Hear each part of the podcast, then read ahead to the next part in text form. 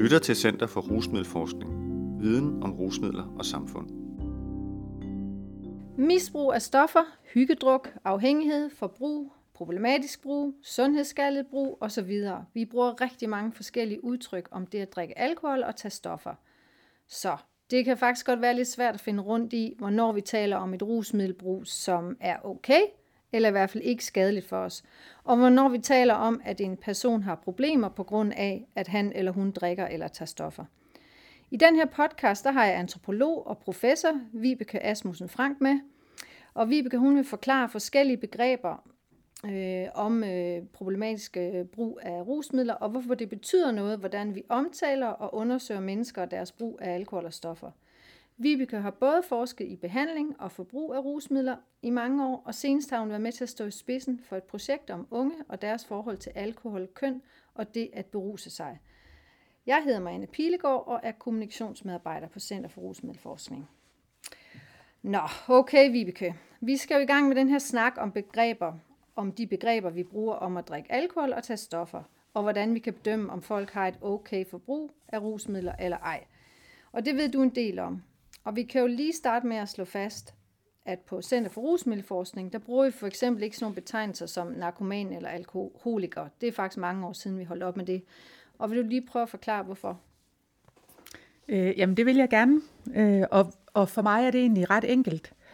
Øh, det er fordi, at de betegnelser, som du lige nævnte, narkomaner og alkoholikere, de er stigmatiserende. Og det er de af flere grunde. Øh, for det første, fordi man ikke er et rusmiddel. Øh, øh, man bruger, øh, øh, ja, for det første, fordi man ikke er det rusmiddel, man bruger, eller den måde, man bruger rusmidler på. Øh, uanset om man drikker lidt eller meget alkohol, ryger meget eller lidt øh, has, så er det noget, man gør, en praksis eller en vane, man har. Og derfor så vil jeg altid sige, at en person øh, bruger eller forbruger rusmidler, eller at en person har et problematisk brug af rusmidler, afhængig af hvor meget rusmiddelbrug har, har negativ indvirkning på, på, på en persons liv. Men det var sådan den ene ting. Den anden ting er, at når man siger, at det at drikke alkohol eller tage stoffer er noget, man gør, så betyder det også, at det er noget, som kan ændre sig. Øh, og vi ved for eksempel fra forbrugsundersøgelser, at det at drikke alkohol, øh, ryge has eller for eksempel tage ecstasy, det er noget, som mange gør i bestemte sammenhæng, øh, og det er også oftest noget, som man gør sammen med andre. Øhm, og vi ved også, at folks forbrug af rusmidler ændrer sig gennem livet. Øhm, at forbruget af alkohol ofte er mindre blandt mennesker, der har små børn. Øh, og hvis vi ser i statistikkerne, så måler man især forbruget af illegale stoffer blandt unge under 35, fordi det er den gruppe, der bruger øh, stoffer helt primært. I andre aldersgrupper, for eksempel dem over 44, der er forbruget så lille, at det simpelthen ikke slår ud i statistikkerne. Så altså, når vi siger, at det at bruge rusmidler, det er noget, vi gør, og ikke noget, vi er, så er det også noget, vi kan gøre noget ved, hvis det påvirker vores liv negativt. Er det det, du siger? Ja, altså vi kan ændre adfærd, for eksempel indtage færre stoffer, øh, holde op med at drikke, eller bare ændre den måde, som vi, øh, som vi bruger alkohol på. Øh, men jeg vil også gerne understrege, at, øh, at jeg hermed ikke mener, at man bare kan holde op, øh, hvis øh, ens rusmiddelbrug øh, skaber problemer for, for en selv. Men det jeg gerne vil sige, det er, at vi må se øh, forbrug af, af rusmidler i relation til en persons hverdagsliv og de situationer øh, i øvrigt, som man, øh, som man er i. I hvert fald, hvis vi vil prøve at forstå forbrug, øh, og hvis vi også vil prøve at hjælpe en øh, ud af et problematisk brug. Ja, og det her med at bruge øh, rusmidler i sammenhæng, det vender vi tilbage til senere i samtalen. Lige nu så vil jeg gerne lige ind på danskernes øh, syn på og deres sprogbrug om det at drikke alkohol og det at tage stoffer, for der er nemlig en væsentlig forskel på de to ting. Vil du prøve at forklare det? Ja, altså i Danmark der taler vi jo om, at man godt kan have et, hvad kan man kalde det, et normalt eller et fornuftigt forbrug af alkohol, fordi det er lovligt at sælge og drikke alkohol, i hvert fald hvis øh, man er over 16 og 18 år. Øhm, for eksempel så definerer Sundhedsstyrelsen øh, med anbefalinger om genstandsgrænser, hvad man kunne kalde et fornuftigt, eller i hvert fald et øh, ikke sundhedsskadeligt forbrug af alkohol. Men altså modsat, øh, så taler vi meget sjældent om et forbrug af, af de rusmidler, som er illegale. Og, øhm, og som oftest, altså, og, og, det, og de her rusmidler kalder vi som oftest øh, over en bred kamp for stoffer. Øhm, og det er stoffer for eksempel som cannabis, øh, kokain, heroin, ecstasy eller amfetamin. Og generelt der vil vi ikke sige, at øh, man for eksempel kan have et almindeligt øh, eller fornuftigt forbrug af cannabis, kokain eller ecstasy. Og det tænker jeg bunder især i, at rusmidlerne er ulovlige. Øh, de er ulovlige at sælge, det er ulovligt at have stofferne på sig, og derfor så bliver illegale rusmidler også per definition problematiske at bruge, uanset hvor lille en mængde vi taler om. Og jeg vil gerne lige indskyde, at alle rusmidler jo kan give problemer. Både de legale som alkohol øh, og tobak, men også de, øh, de illegale som has, kokain og ecstasy. Så det, det er ikke fordi, at, der, at den ene gruppe af, af rusmidler er mere problematiske eller kan give flere problemer øh, end andre, men de er forskellige på den måde, at den ene gruppe er lovlig, og den anden er ulovlig. Men og netop fordi, at det er ulovligt at besidde de her illegale stoffer, så bliver det også stigmatiserende at bruge dem. Mange har for eksempel ikke noget mod at sige, at de godt kan lide øl øh, eller drikker alkohol, men det er ret få, øh, der vil sige åbent, at de øh, bruger cannabis, øh, fordi de risikerer at blive stemplet som en, en, der bruger stoffer. Og en, der bruger stoffer, øh, er ofte lige med en, som ikke har styr på sit liv. Så i det hele taget, altså når vi taler om illegale stoffer, hvor meget taler vi så egentlig om det sundhedsmæssige aspekt ved det? Altså ved at bruge illegale stoffer. Altså hvorvidt det skader vores helbred, når vi bruger dem, eller om man måske kunne bruge dem på en måde, som ikke skader ens helbred, eller skader det, eller hvor risikoen for skader er minimal, som man gør for eksempel alkohol og genstandsgrænserne, og lade være med at drikke, når man er gravid osv. Jamen, altså jeg synes generelt, at vi kan se, at moral og politik, det spiller en større rolle, når det drejer sig om de illegale stoffer. Øh, vi fokuserer mere på det farlige, eller på det problematiske, altså det problematiske i stoffet i sig selv. Øh, og derfor så bliver anbefalingerne også for det meste, at man bare skal lade være med at bruge øh, de her illegale stoffer. Både fordi de er illegale, og man jo dermed overtræder loven, når man, øh, når man bruger dem, øh, men også fordi, at de anses for at have den her iboende øh, farlighed. Øh, vi har meget svært ved at tale om, hvad der kunne være et fornuftigt forbrug af illegale rusmidler, og det vil jo især øh, sige et forbrug, hvor man undgår skader eller problemer med stofbruget. For eksempel så har vi svært ved at anbefale, øh, hvordan, hvor ofte og i hvor store mængder kan man bruge cannabis, uden at man får problemer med det. Vi er for eksempel heller ikke særlig meget for at skulle få testet de her illegale rusmidler i, i nattelivet, så man kan se, hvad der faktisk er i dem. Øhm, altså en form for varedeklaration, kunne man sige måske. Men altså fordi de her stoffer er illegale, og fordi vi gennem øh, forbudspolitik øh, har gjort dem til noget, der udelukkende er farligt, så er det næsten ikke muligt for os at erkende, at øh, brug af illegale stoffer også kan være forbundet med nydelse, fest, venner, socialt samvær osv., som, øh, som, øh, som vi ser med, med alkohol, og som vi egentlig ikke har de helt store problemer med at, at, at sige, at, at det er der også. Øhm, og, så, og hvordan ser vi så lige helt kort på alkohol og alkoholforbrug i forhold til stofbrug? Altså sådan generelt. Jamen, Jamen det synes jeg er en helt anden snak, øh, og det er det, fordi at øh, alkohol er lovligt at sælge og købe og drikke. Øh, alkohol forbinder vi jo øh, generelt, øh, som jeg lige nævnte, altså med fest og hygge og socialt samvær. Og her kan vi sagtens tale om et forbrug af alkohol ved for eksempel at overholde Sundhedsstyrelsens genstandsgrænser, som jo så er maks 7 genstande om ugen for kvinder og 14 øh, for mænd, og at vi ikke skal indtage mere end fem genstande øh, ved en øh, lejlighed. Og vi har defineret, hvad en genstand er, og der er varedeklarationer på vores øh, alkoholprodukter. Så der ved vi ligesom, hvad vi putter i os, og hvad der er øh, skadeligt, øh, hvis det er, at vi putter for meget af det i os.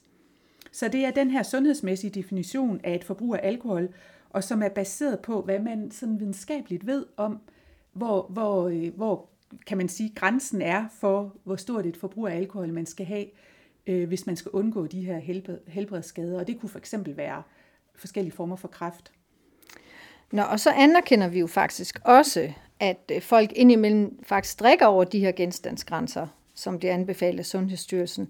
For eksempel, at nogen de drikker øl hver eneste dag, og måske mange store fadøl hver eneste dag på en skiferie, eller vi giver den gas til fest, eller vi, vi drikker os rigtig meget fuld, også flere end fem genstande til en julefrokost. Det, det anerkender vi jo faktisk generelt. Ja, altså det, det ser vi jo ikke sådan, i hvert fald hvis vi sådan ser det fra sådan en lægmands synspunkt, eller sådan fra sådan bare dit og mit synspunkt. Øh, det ser vi jo ikke nødvendigvis som et problematisk øh, brug, men som en del af vores øh, samværsformer. Altså det er noget, vi gør, når vi er på skiferie. Det er noget, vi gør, når vi har julefrokoster. Så det er okay.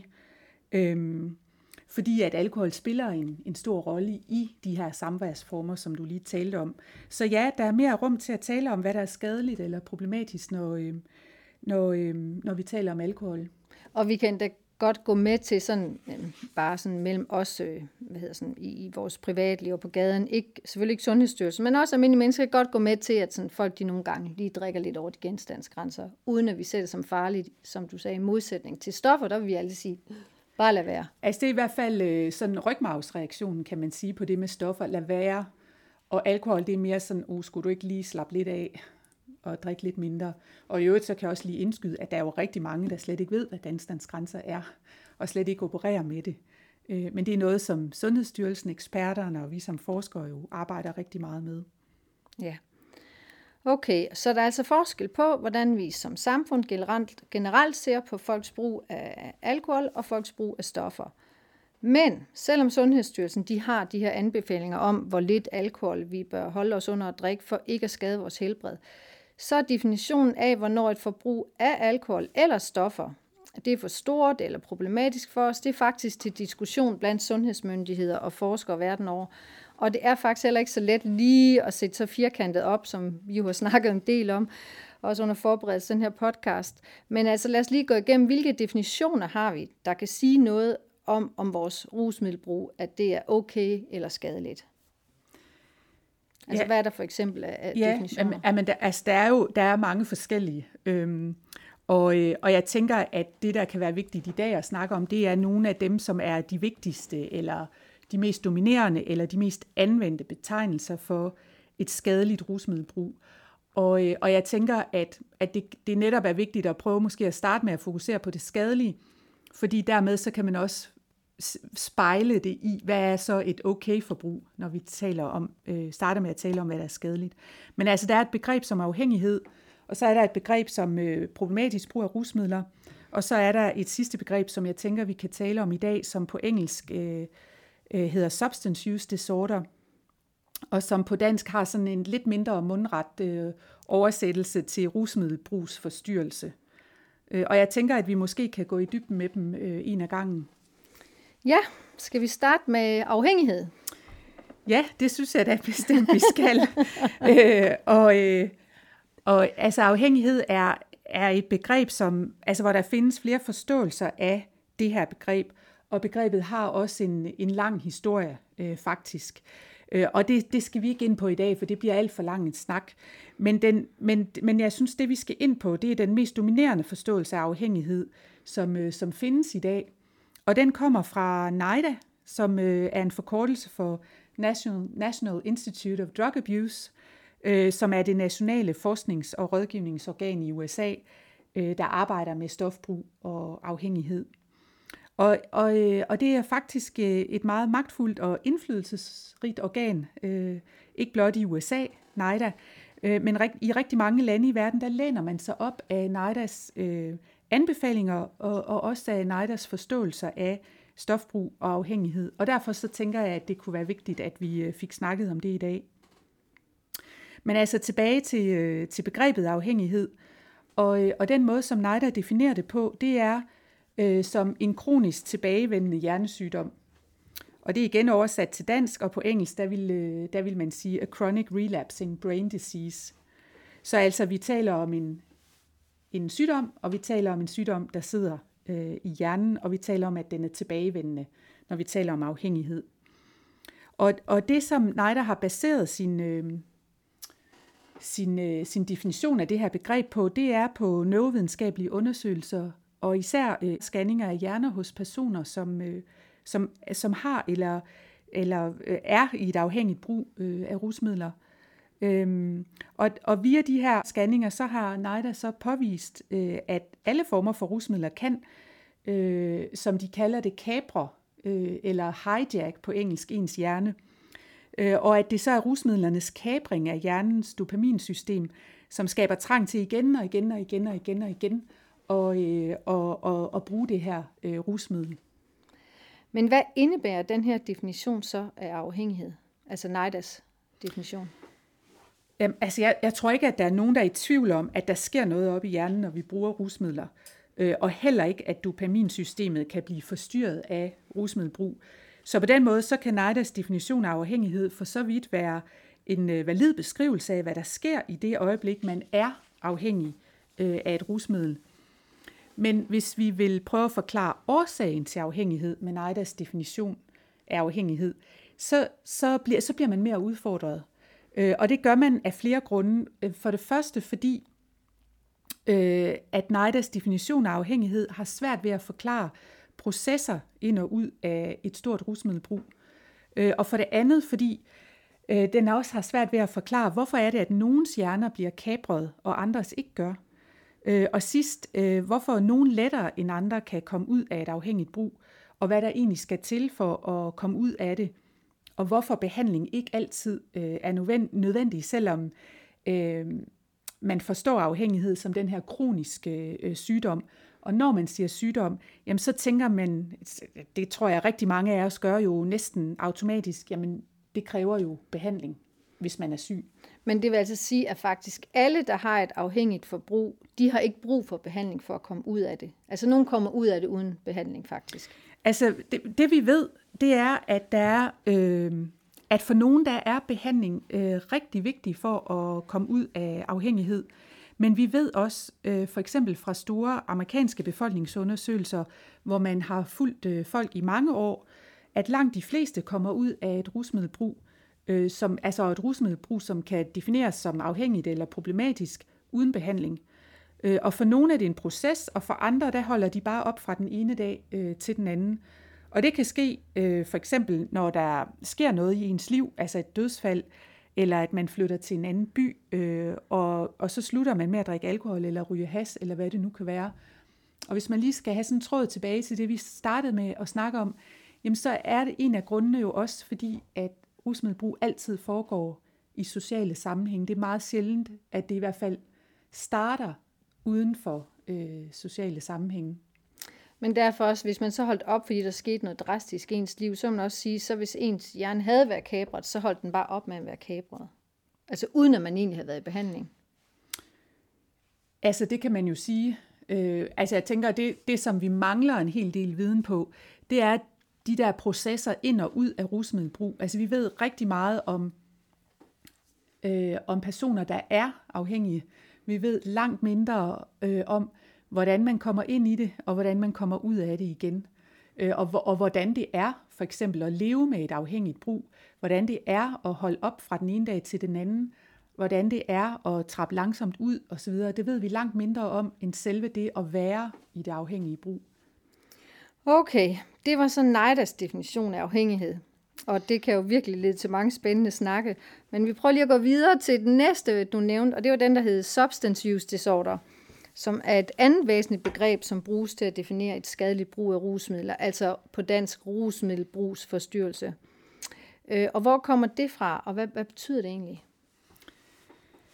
Ja, altså øh, substance use disorder, øh, det er det begreb, som man bruger i det diagnosesystem, som øh, kaldes DSM-5, og som er udviklet af amerikanske psykiater og bruges i øh, behandlingen af mennesker, som har øh, rusmiddelproblemer.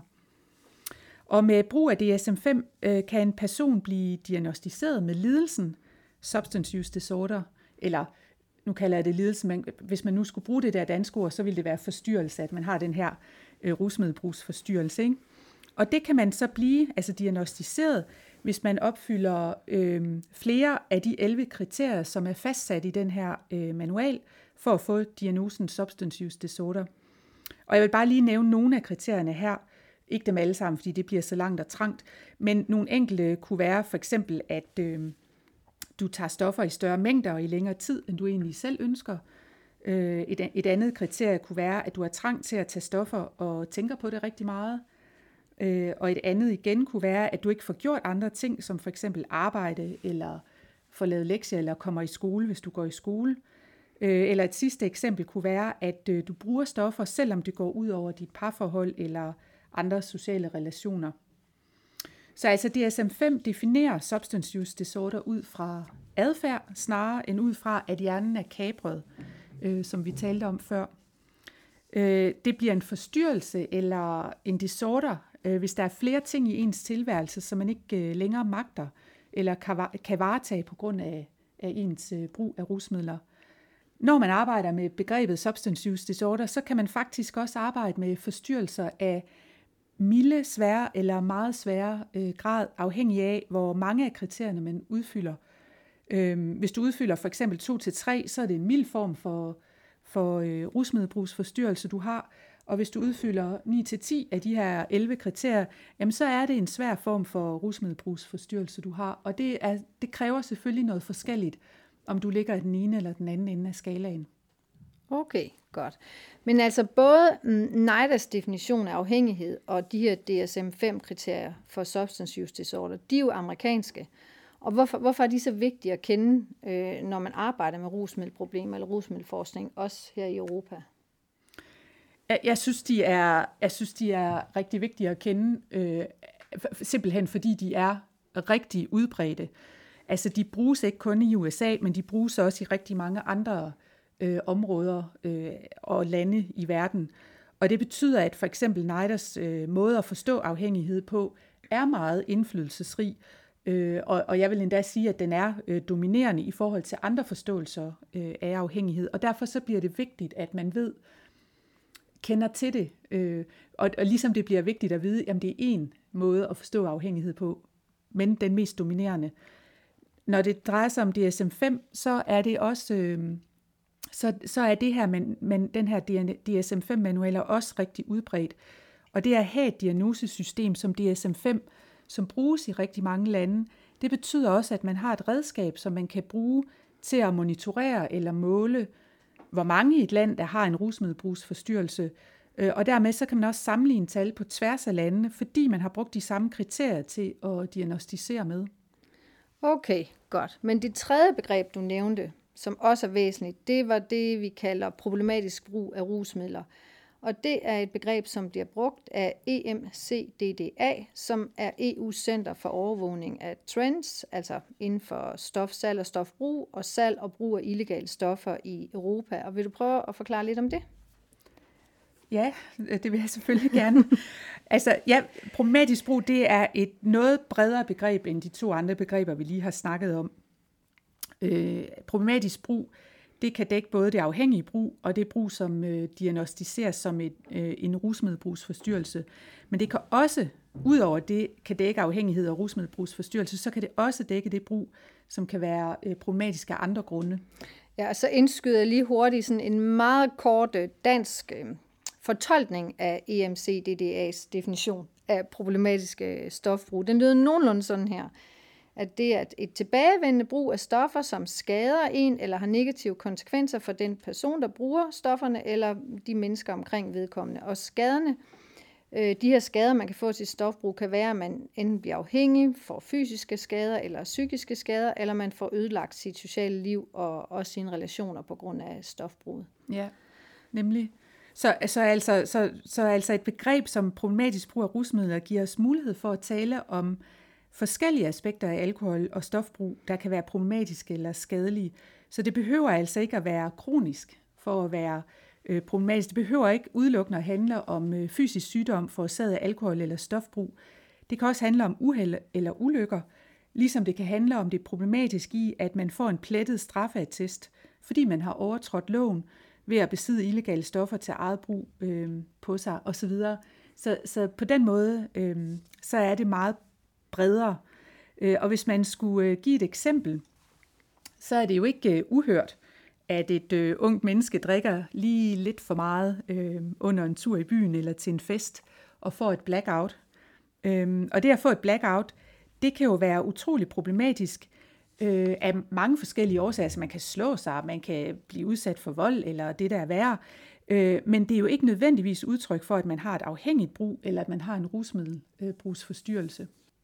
Så altså betegnelsen problematisk brug, det giver os altså mulighed for at reflektere over, hvad der bliver problematisk eller skadeligt, og dermed oplyse mere grundigt om øh, de mange forskellige øh, risici, der kan være ved et rusmiddelbrug. Så altså i min optik, så kan betegnelsen problematisk brug af rusmidler være med til at holde et fokus på, at brug af rusmidler foregår i sammenhæng, ligesom vi startede med øh, at snakke om. Okay, så når vi taler bredt om, altså mere bredt i hvert fald, om de her problemer, som vi kan rende ind i, når vi drikker alkohol eller tager stoffer, så kan vi også tale om at reducere øh, de skader, som vi kan få af, af det her rusmiddelbrug. Og jeg ved, at du synes, at vi burde tale mere om, hvordan vi kan reducere de problemer eller de skader, som vi risikerer at få ved at øh, bruge rusmidler. Altså jeg synes i hvert fald, at det er rigtig vigtigt, at vi holder fokus både på at forstå processer ind og ud af problematisk eller afhængigt rusmiddelbrug, og ikke kun fokusere på den tilstand, hvor man er afhængig. Øhm, og at vi også forholder os til, at det problematiske kan være mange forskellige ting, og ikke udelukkende de problemer, som er relateret til sundhed. Så altså, hvis vi gerne vil fokusere på at reducere skader af et rusmiddelbrug, så må vi se på de forskellige sammenhænge, som rusmidler øh, bruges i, hvem der bruger dem, hvordan man bruger dem osv., og vi må også anerkende, at man kan bruge rusmidler på forskellige måder, og at al brug af de illegale rusmidler, altså stofferne, ikke nødvendigvis er problematisk eller et udtryk for en afhængig tilstand. Nej, men som vi snakker om i starten, så, så er de, de jo øh, øh, ulovlige her på sig at sælge de her stoffer, og alligevel så tænker du, vi skal tale om det, og hvordan man kan bruge dem uden at komme til skade, eller på en mindre skadelig måde. Øh, og hvorfor er det, vi skal tale om det, faktisk? Ja, altså, øh, altså jeg, jeg tænker, nu er der jo rigtig meget fokus på unge og rusmidler, øh, sådan generelt i vores samfund, så nu vil jeg lige bruge de unge som eksempel til at, at svare på dit spørgsmål med. Så altså, hvis vi som eksperter eller myndigheder har den holdning, at det udelukkende er farligt eller skadeligt for eksempel at bruge cannabis, mens unge selv oplever, at de har et fællesskab omkring det at, at ryge has, de har det sjovt sammen, når de ryger, de bonder omkring det osv., jamen så får vi ikke øh, gang i en samtale med de unge om, øh, hvad der kan være problematisk ved at bruge cannabis. For eksempel i forhold til, hvor ofte man bruger det, hvor stærk cannabisen er, i hvor store mængder man bruger osv., ligesom vi for eksempel kan gøre det med alkohol og genstandsgrænser. Så altså hvis vi ikke vil anerkende, at der også følger bestemte positive oplevelser med, når man bruger rusmidler, og som de unge har erfaring med, og hvis vi ikke spørger ind til, hvorfor de bruger stoffer og hvordan de gør det, og dermed kan in, altså informere om den mest sikre måde at bruge det på, jamen så får vi også meget sværere ved at, øh, at kunne forebygge skader, øh, også de mere langvarige øh, problemer hos dem, som allerede øh, bruger for eksempel øh, cannabis. Så altså hvis vi udelukkende fokuserer på det farlige eller skadelige ved cannabisbrug, jamen så kan de unge, der alligevel ikke vil bruge det, jamen jeg tænker, de skal nok lytte, fordi så bliver man forskrækket og tænker, det, det holder jeg mig fra. Ikke? Men de unge, der allerede bruger det og har haft en eller to eller flere øh, gode oplevelser med det, de vil jo ikke nødvendigvis synes, at det er hele historien om cannabis, hvis vi som eksperter eller sundhedsmyndigheder kommer og siger, at det er skadeligt, lad være med at bruge cannabis. Men når du så siger, at, at øh, vi snakker for eksempel med unge om, hvordan de bruger stoffer, så tænker jeg også straks, jamen, kommer vi så ikke lige til at opfordre dem til at bruge de her illegale rusmidler? Jo, altså, og jeg er helt, altså, altså du trykker jo på øh, sådan et meget ømt øm punkt, Marianne. Og jeg er helt klar over den kritik, at det kunne se ud som om, at vi opmuntrer unge til at bruge stoffer, de illegale stoffer. Men jeg synes også, at vi skal huske på, at det er langt de færreste unge, altså der jævnligt bruger cannabis. Det er langt de færreste unge, der har prøvet andre illegale rusmidler end cannabis. Og det, det, altså det er endnu færre unge, der, der, der bruger dem jævnligt. Og her kan jeg faktisk lige tilføje, at, at vi har næsten lige øh, udgivet en undersøgelse fra Center for Rusmiddelforskning om rusmiddelbrug blandt øhm, 15-25-årige i Danmark, som er lavet i 2019. Og den viste, at cirka 2% af de unge, de, øh, de brugte cannabis hver dag, eller næsten hver dag.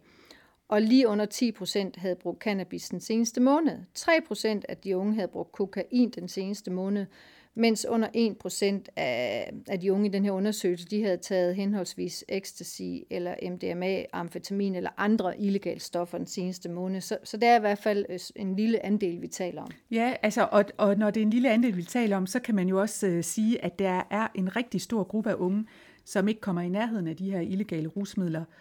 Og, og jeg synes egentlig, at, øh, at det synes jeg er, er helt oplagt, at vi har, at vi holder fokus på, øh, at der Altså, at der er den her forskel mellem, hvem der bruger hvilke former for rusmidler, og at vi dermed også har forskellige tilgange på samme tid til at forebygge skader af, af stofbrug. Og en tilgang er, at man gør noget for, at unge ikke starter med at bruge illegale rusmidler. Det synes jeg bestemt, man skal, man skal have, have fokus på. Og en anden er at få dem i tale, som alligevel starter og bruger øh, stoffer, øh, hvad det nu kan være for nogle af dem, øh, i kortere eller længere tid. Og de to tilgange, øh, de, de kræver noget forskelligt. Og jeg synes faktisk, at vi, skal, vi, vi, vi må have mod til at tale med unge, som allerede bruger illegale rusmidler om, hvordan man for eksempel undgår at få skader af det brug. Altså, at man skal huske at drikke vand, hvis man tager ecstasy og danser hele natten, at man aldrig skal tage rusmidler øh, alene, at man skal være meget opmærksom på styrken i cannabis, øh, når man ryger cannabis og så videre. Så altså den slags samtaler, synes jeg, vi skal have mod til at have med de unge. Så det du siger, det er altså, at da vi ved, at nogle unge og meget få voksne bruger illegale rusmidler, så bør vi alligevel tale med dem om, hvordan de undgår at komme til skade eller bliver syge af det forbrug. Og så skal vi også være åbne, når vi undersøger folks oplevelser med at drikke alkohol og tage stoffer. Fordi vi så, altså også de illegale stoffer, fordi så får vi en brugbar viden om, hvordan øh, mennesker bruger rusmidler, og hvordan de bevæger sig ud og ind af et, øh, af et stort forbrug eller et problematisk forbrug. Og det, det, det er også en del af, men det er ikke helt svaret på min næste spørgsmål, som er, hvorfor skal vi så egentlig øh, forske i, hvordan og hvorfor øh, folk bruger rusmidler, også de illegale stoffer? Ja, det er, jo, altså, det er jo et super godt spørgsmål. Det er det jo. Men altså, det, det skal man, fordi at det at drikke alkohol og bruge andre rusmidler er noget, som rigtig mange af os gør. Og fordi rusmidler indgår i sociale sammenhænge, og dermed også får nogle helt særlige betydninger for os, øh, som vi snakkede om i starten af programmet. Og, øhm, og hvis vi gerne vil forstå, hvordan, hvornår og for hvem det bliver problematisk, så er vi også, i hvert fald i min optik, nødt til at vide noget om rusmiddelbrug mere generelt. Øhm, og især at lytte til, øh, hvad dem, der bruger rusmidler, siger om deres forbrug, hvad det betyder for dem, hvornår, hvordan og med hvem de gør det, øh, osv. Ligegyldigt om vi som eksperter vil definere det som et kontrolleret brug, et problematisk brug eller et behandlingskrævende brug. Men kan du give sådan et eksempel på en brugbar viden, som vi har fået ved at tale med dem, som bruger stoffer for eksempel? Ja, øh, altså der, der kan jo være mange, altså det, det er der rigtig mange gode eksempler på, men hvis vi nu går lidt tilbage i tid, øh, til 1980'erne, hvor, øh, hvor HIV-AIDS øh, begyndte at, at, at, at, at brede sig rigtig meget blandt øh, stofbrugere, øh, og at det faktisk blev en øh, epidemi blandt øh, stofbrugere, ikke øh, kun i Danmark, men i mange steder i øh, Europa og i verden. Øh, så altså, for at man simpelthen kunne lave ordentlig forebyggelse blandt de her mennesker, så begyndte man at undersøge de her stofbrugers hverdagsliv, Øh, og her fandt man ud af, at folk, som injicerer, altså stoffer, øh, ofte delte kanyler og, øh, øh, og sprøjter øh, med hinanden. Og der fandt man jo så årsagen til, hvorfor det var, at, øh, at sådan en blodborgen sygdom som HIV-AIDS, øh, og for så vidt også hepatit, de her forskellige former for hepatitis, de kunne sprede sig så, så øh, relativt lynhurtigt blandt stofbrugere. Øhm, og, og det er jo så en af grundene til, at vi i dag øh, tilbyder øh, rene kanyler og sprøjter. Og, øh, og, og i dag, der tænker i hvert fald hvis man arbejder inden for det her område, så tænker man jo ikke om det som noget, der er særligt, at man skal tilbyde øh, stofbrugere øh, rene sprøjter og kanyler. Men det, det, det, det var meget særligt øh, dengang. Så vi kan simpelthen få en viden, som vi ikke havde, måske havde forestillet os, hvis vi går ind og prøver at lytte til, og snakke med, med de folk, der bruger øh, alkohol og stoffer. Ja, altså det her, det var jo, det her øh, var jo bare et eksempel, men, men hvis man laver det, som, som jeg vil kalde forbrugerperspektivundersøgelser, altså altså man, man simpelthen snakker og prøver at lytte til og finde ud af, hvordan, hvordan er det at, øh, at tage stoffer. Hvordan gør man det? Hvem gør man det med? Og så videre. Jamen, så får vi en viden, som faktisk kan være med til at udvikle forebyggelses- og skadesreducerende indsatser.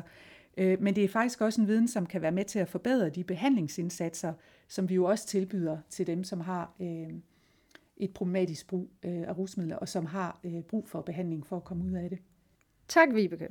Nu blev jeg i hvert fald lidt klogere på de forskellige begreber for et potentielt skadeligt forbrug af rusmidler. Jeg har nemlig været lidt forvirret, øh, mens jeg arbejdede på Center for Rusmiddelforskning, om alle de her forskellige begreber, der findes. Og det var også en af grundene til, at jeg gerne ville lave den her podcast, øh, og have dig til at forklare de her begreber, og hvorfor vi hellere vil bruge det ene end det andet, og hvorfor nogen kan være vigtigere end andre.